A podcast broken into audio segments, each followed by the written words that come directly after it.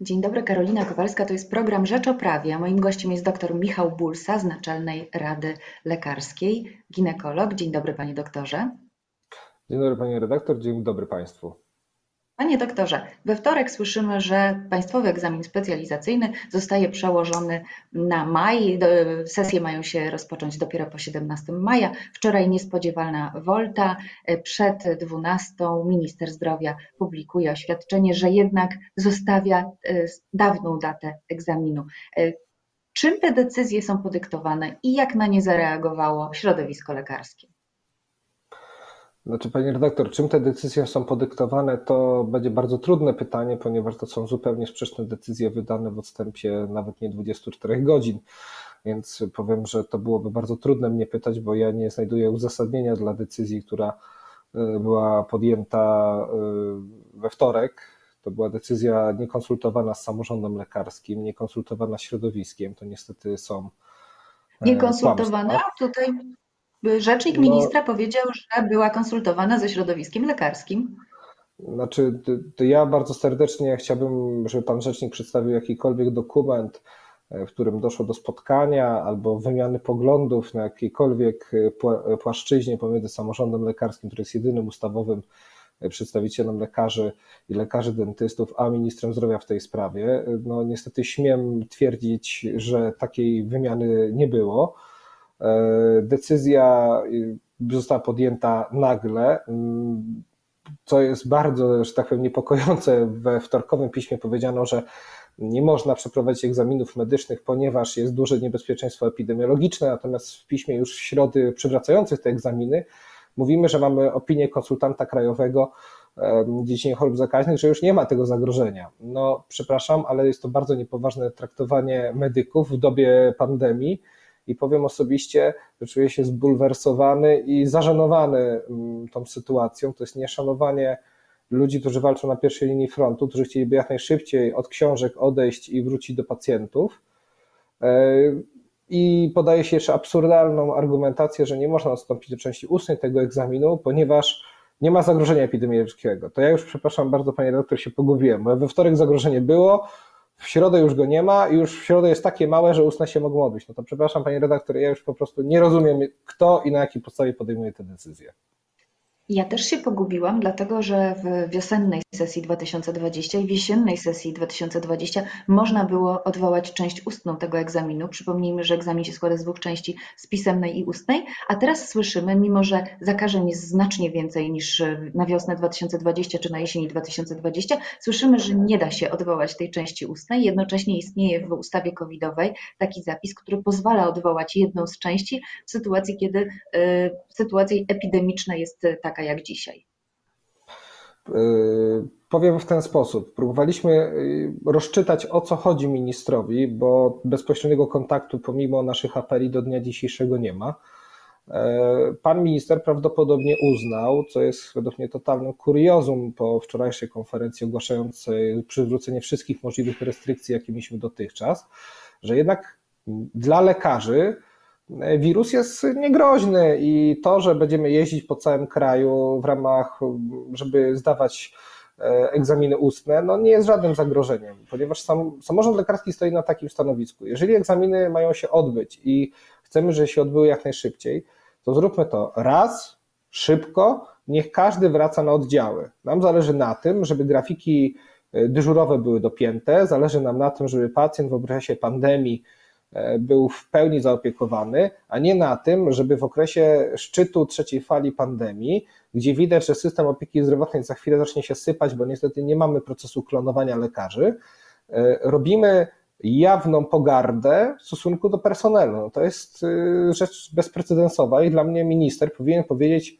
wszystkim lekarzom, którym zafundował piekło pomiędzy wtorkiem a środą, przepraszam i nie powinien zasłaniać się panem rzecznikiem ministra zdrowia.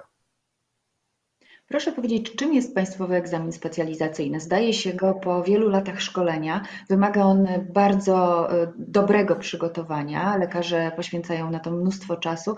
Czy wiąże się z, ze zwolnieniem się z pracy, z wzięciem urlopu? Jak Wy, lekarze, się do niego przygotowujecie? I jak duży to jest materiał? E, powiem tak, ten materiał jest prawie nieskończony, ponieważ opanowanie wszystkich zagadnień wydaje się wręcz niemożliwe. E, powiem osobiście, że do tego egzaminu przygotowywałem się trzy miesiące. Były to trzy miesiące wyjęte z życia rodzinnego, zawodowego e, i jakiegokolwiek innego. Tutaj nie ma miejsca na to, żeby nawet się pobawić z dziećmi, tylko człowiek wstaje o godzinie 8 do godziny 20, 22 E, ciągle ślęczy albo nad książką, albo przed analizą e, jakichś przypadków w ramach takich książek, które opisują przypadki, żeby jak najlepiej się do tego egzaminu przygotować. Jest to egzamin z bardzo rozwlekłej wiedzy, co chociażby bardzo łatwo e, przytoczyć na podstawie proponowanej literatury. No jeżeli wychodzi, że ktoś ma do przeczytania kilku tysięcy książki, które mają załóżmy po setki stron, no to trudno oczekiwać, że zrobi to bardzo, no, że to łatwo przyjdzie. No, tutaj niestety brakuje chyba wyobraźni e, trochę w Ministerstwie Zdrowia, bo chyba nikt tam na co dzień tego egzaminu nie zdaje. Bo jakbym się pokazał tym osobom, ile to trzeba pracy włożyć w naukę do takiego egzaminu, to by chyba ktoś podchodził bardziej pokornie do decyzji, czy jednak odwoływać ten egzamin, czy go nie odwoływać, e, a tym bardziej do decyzji upierania się przy jednej z ich części. I tutaj chciałbym jeszcze podkreślić jedną rzecz. To nie, nie da się zrobić tak w nauce tego egzaminu, bo tam się uczymy bardzo dużej ilości szczegółów, które znaczy w mojej osobistej mm, zdaniu one nie są do końca potrzebne, natomiast no, są z tego e, egzaminowani lekarze. Jeżeli to jest bardzo duża ilość szczegółów, no to chyba to są takie mrzonki, że ktoś myślał, że ktoś na dwa miesiące nagle sobie to wszystko zapamięta e, w pamięci, następnie po dwóch miesiącach siądzie znowu do tych podręczników i będzie to umiał. No to jest po prostu e, nierealne i prosiłbym jednak Ministerstwo Zdrowia i pomimo tych wszystkich rzeczy, które no, robią negatywnego stosunku do środowiska lekarskiego, my nadal zapraszamy do rozmów i zapraszamy do tego, żeby usiąść i niestety porozmawiać jak e, dżentelmeni, e, co w tej sytuacji możemy zrobić, a nie mówienie, że jednak nic się nie da zrobić, bo jak się nic nie da zrobić, no to byśmy chyba by nadal byli w kamieniołomie, a nie w obecnej sytuacji. Skoro nauka do takiego egzaminu zajmuje trzy miesiące, to rozumiem, że wielu Pana kolegów, nawet tysiące osób, e, od jakiegoś czasu nie pracuje w szpitalach i w poradniach, tylko uczy się do egzaminu. E, jak wiele osób to może być? Powiem tak, y, z tych danych, które posiadamy, to jest około kilka tysięcy osób, około dwóch, trzech tysięcy osób, natomiast y, część osób no, wyłącza się całkowicie, jeżeli oczywiście te osoby na to stać, no, mają odłożone środki finansowe albo rodzinę, która będzie ich wspierała, y, lub swoją pracę ograniczają do naprawdę totalnego minimum. No ja mogę powiedzieć ze swojego przypadku, że jeszcze przez pierwsze półtora miesiąca udawało mi się pracować, ale też nie w szpitalach, nie na ciężkich dyżurach, tylko w poradni, w poradni raz w tygodniu, żeby no, mieć jakiś kontakt z zawodem, no bo nie powiem, że kocham to, co robię. E, natomiast e, tuż przed egzaminem, około półtora miesiąca, dwa miesiące przed, no to człowiek się już wyłącza z wszystkiego. E, no jest to bardzo przykry widok, kiedy no, partnerzy życiowi, mężowie, żony nie mogą normalnie rozmawiać, nie możemy normalnie pójść do dzieci i nawet się z nimi chwilę pobawić. No to są naprawdę dramaty ludzkie i Y, jeszcze w takim ciężkim okresie i szczególnym, jakim jest pandemia, no po prostu utrudnianie tego procesu albo powodowanie niepokojów jest po prostu nieludzkie. No jeszcze w stosunku do kogo? W stosunku do ludzi, od których wymagamy, żeby się poświęcali. No, przepraszam, to jest jakiś najbardziej nowoczesny system zarządzania zasobami wojska medycznego, jakiego ja znam i chyba no, na świecie się takich cudów chyba nie praktykuje jak w Polsce.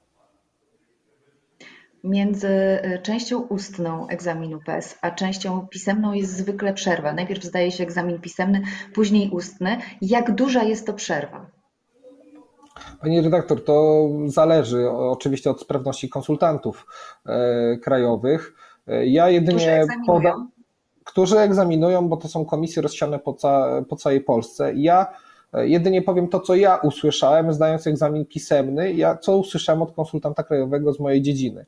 Ja nie mam do niego pretensji, bo miałem prawo to usłyszeć. No jak usłyszałem, że będziemy Państwa próbować pytać, ale no jest zagrożenie epidemiologiczne i część profesorów no wtedy się bało, bo nie było zaszczepieni. Sądzę, że teraz jak są zaszczepieni, tak samo trochę mogą mieć obawy, że jeżeli mówimy o ograniczeniu mobilności, to jednak, że będą chcieli tam pojeździć po różnych komisjach, e, żeby no tak egzaminować, no ginekologów chciano egzaminować do końca grudnia. No to ja powiem szczerze, jak mieliśmy zacząć e, w październiku egzaminy, a skończyć w grudniu, żeby było bezpiecznie, no to powiem szczerze, że uważałem to za naprawdę i do dziś uważam, że to naprawdę było ciekawa abstrakcja, żeby tak próbować ludzi przyczołgać w dobie pandemii, więc uważam, że to naprawdę jest ekstrawagancja i pan minister albo mógłby porozmawiać z ludźmi, którzy to słyszą, a nie tylko no niestety rozmawiać z osobami, które sam powołuje. No, my naprawdę apelujemy o to, żeby rozmawiać ze środowiskiem, bo bez dialogu nic tu nie osiągniemy. Czyli rozumiem, że w tej chwili, jeżeli rzeczywiście ministerstwo będzie chciało, uprze się na te egzaminy ustne, to y, egzaminy ustne mogą się skończyć na przykład w sierpniu, czyli już dawno, miejmy nadzieję, po trzeciej fali pandemii. A ci znaczy, lekarze musimy... będą do tego czasu wyjęci. Musimy zauważyć dwie, dwie rzeczy. Po pierwsze, e, jak to zostanie rozłożone, to zależy, jaka to będzie specjalizacja. No są takie specjalizacje jak choroby wewnętrzne, pediatria, ginekologia z położnictwem, chirurgia, gdzie zdaje bardzo dużo ludzi. Teraz zauważmy, że jednak dochodzi do, e, no chcemy ograniczać mobilność ludzi. My tych ludzi zmusimy do mobilności, czyli zrobimy zupełnie coś odwrotnego. Jeżeli chodzi o czas, to zależy od wydolności tych komisji. Czyli musimy jeszcze założyć, czy ten plan zakłada bardzo optymistyczne założenie, że nikt z tych ludzi nie zachoruje. No przecież znamy już przypadki, że to, że szczepimy się, to, że próbujemy osiągnąć jak najwyższy stopień wyszczepienia, to ma to oczywiście dwa skutki. Jedno, że mamy niższe prawdopodobieństwo zachorowania i prawdopodobieństwo cięższego przebiegu. Natomiast to nie znaczy, że jesteśmy stuprocentowo bezpieczni. Teraz wyobraźmy sobie sytuację, że na tej komisji siedzi jedna osoba i niestety ona się zarazi. I teraz my wyłączymy, jak wyszedłby jeden przypadek dodatni, to mogłoby dojść do zakażenia nie tylko tego grona profesorskiego, ale również tych osób, które by tam e, były egzaminowane. No to są dla mnie życzenia niemożliwe. E, do spełnienia i uważam, że w tym momencie, jeżeli i tak nie udało się nam, bo z tego co wiem się nie udało przygotować systemu online, no to powinniśmy niestety postąpić tak jak w poprzednich sesjach. Ja jedynie zaznaczę jeden fakt, który jest chyba najbardziej znamienny. Jak odwoływano sesję, w której ja zdawałem państwowy egzamin specjalizacyjny, to w przypadku było 8 tysięcy dziennie. Notujemy teraz od 20 do 25 tysięcy dziennie. To się po prostu, przepraszam, kupy nie trzyma. Czy pracuje Pan na co dzień w szpitalu? Czy brak e, tych rezydentów, którzy teraz uczą się do egzaminu specjalizacyjnego, jest dotkliwy? Znaczy, powiem w ten sposób, jeszcze nie, chyba nigdy nie było w zawodzie lekarza tak, że narzekaliśmy na nadmiar ludzi do pracy, więc ja jedynie mogę powiedzieć, że no też e, akurat pracuję w szpitalu powiatowym, no tutaj właśnie koleżanka jedna się uczy do państwowego egzaminu specjalizacyjnego, no i była u nas pomocą w poradni, no i dniu wczorajszym sam musiałem ją zastąpić, więc to faktycznie przekłada się na naszą dostępność. Mówimy tutaj oczywiście o małym szpitalu powiatowym, natomiast no, patrząc po klinikach, gdzie tych rezydentów było średnio po 80, no to jak nagle z oddziału wyparowuje połowa zespołu y, danego, no to musi się to odbić na ciężkości pracy i musi się to odbić na ciężkości również obciążenia tych ludzi. I ja tutaj sobie nie wyobrażam po prostu przedłużania tej sytuacji, szczególnie chciałbym podkreślić po raz kolejny, że pandemie występują raz na 100 lat. No, mogliśmy jednak zrozumieć szczególność sytuacji, bo nie wiem, kiedy drugi raz nastąpi taka szczególna sytuacja. Chciałbym zauważyć również, że jak mieliśmy epidemię ptasiej grypy, która nie powodowała sparzienia kraju, to samorząd lekarski nie wpadał na pomysł, żeby dzwonić czy kontaktować się z ministrem zdrowia czy urzędnikami i apelować o tego typu działania. Więc naprawdę nie jest to z naszej strony ekstrawagancja i nie używamy E, nie rzucamy słów na wiatr i bardzo chcemy, żeby nas traktować poważnie. No na razie niestety mamy dyktat, a nie dialog. Wróćmy jeszcze na chwilę do y, organizacji egzaminów online. Mamy za sobą dwie sesje, teraz jest trzecia, rok czasu. Przez ten czas chyba można było wypracować taki model, w którym, jeżeli rzeczywiście chcemy egzaminować ustnie y, kandydatów na specjalistów, to możemy to zrobić za pośrednictwem internetu. Dlaczego tak się nie stało? Pani redaktor, e, jako samorząd lekarski zgłaszaliśmy bardzo wiele postulatów po to, żeby nie dochodziło do mieszania się i transmisji e, wirusa czy potencjalnego zagrożenia uczestników. Proponowaliśmy przykładowo jako samorząd, że możemy udostępnić nasze siedziby okręgowych izb lekarskich, żeby w danym egzaminie ludzie zdawali w swoich województwach, czy wynająć salę w danych województwach, żeby nie było, uwaga, mobilności na tym, co nam najbardziej zależy. To nie spotkało się z rozumieniem ku naszego zdziwieniu. Słyszeliśmy, że po prostu wtedy jest niebezpieczeństwo ściągania. No to ja naprawdę to nie będę takich rzeczy komentował, bo uważam, że to chyba poniżej godności. Jeżeli chodzi o kolejną propozycję, mówiliśmy OK, no to jeżeli chcecie Państwo egzamin, również możemy udostępnić nasze siedziby.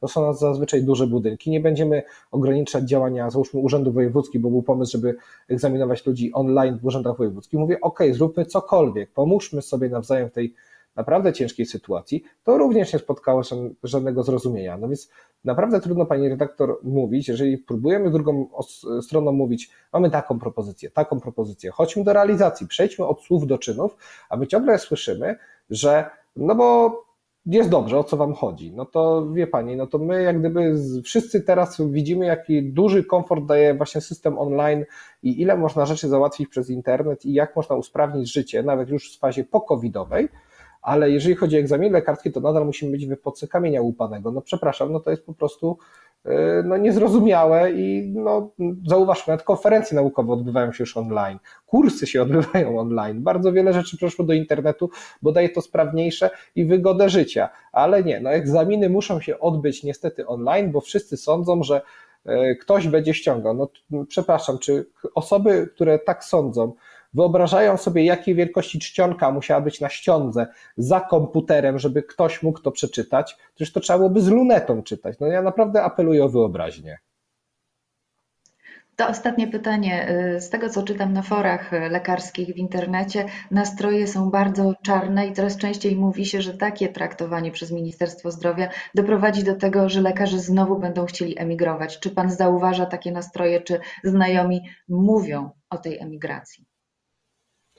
Powiem w ten sposób. Y, COVID niestety zrobił rzecz, którą myśleliśmy jako środowisko, że już się trochę wyczerpała. No bo nie powiem też jako lekarze, chcemy, żeby nasi koledzy z nami tu zostali, no bo nam zależy na zdrowiu Polaków. Natomiast no, trzeba zrozumieć, że to, każdy z nas jest człowiekiem, każdy ma swoją godność. W sytuacji, kiedy y, pracujemy i ktoś tą godność narusza, tą godność hańbi i depcze, bo tego nie jestem w stanie inaczej nazwać, bo problemy dotyczące, zaczynając nawet od organizacji, bo była ona co chwilę zmieniana, po ustalenia, po e, nawet dodatki covidowe, najnowszy, najświeższy temat, no, do dziś dostaję sygnały, że, że ludzie, którzy nawet pracują na oddziale covidowym nie dostają dodatków, bo nie, albo jest im wyliczane jakieś kawka godziny, gdzie słyszymy, że to powinien być dodatek do, e, do, do całej pensji, więc jak gdyby to jest wszystko do dziś niejasne. To co ma sądzić osoba, która ma możliwości migracji, bo ma takie możliwości, no to co ona ma pomyśleć, jeżeli słyszy, że koledzy za niedalekiej akurat ode mnie tutaj Szczecina niemieckiej granicy, w tej samej sytuacji, nawet jeszcze cięższej, no bo Niemcy naprawdę poszli w testowanie, oni w miarę są w stanie powiedzieć, ile mają przypadków dodatnich. Nie tak jak u nas, że jedna trzecia testów to jest dodatnia, bo to znaczy, że tych testów robimy zdecydowanie za mało. E, no to co oni mają dużo myśleć. Granicą jest język, a wiemy doskonale, że to nie jest już granica niemożliwa do pokonania.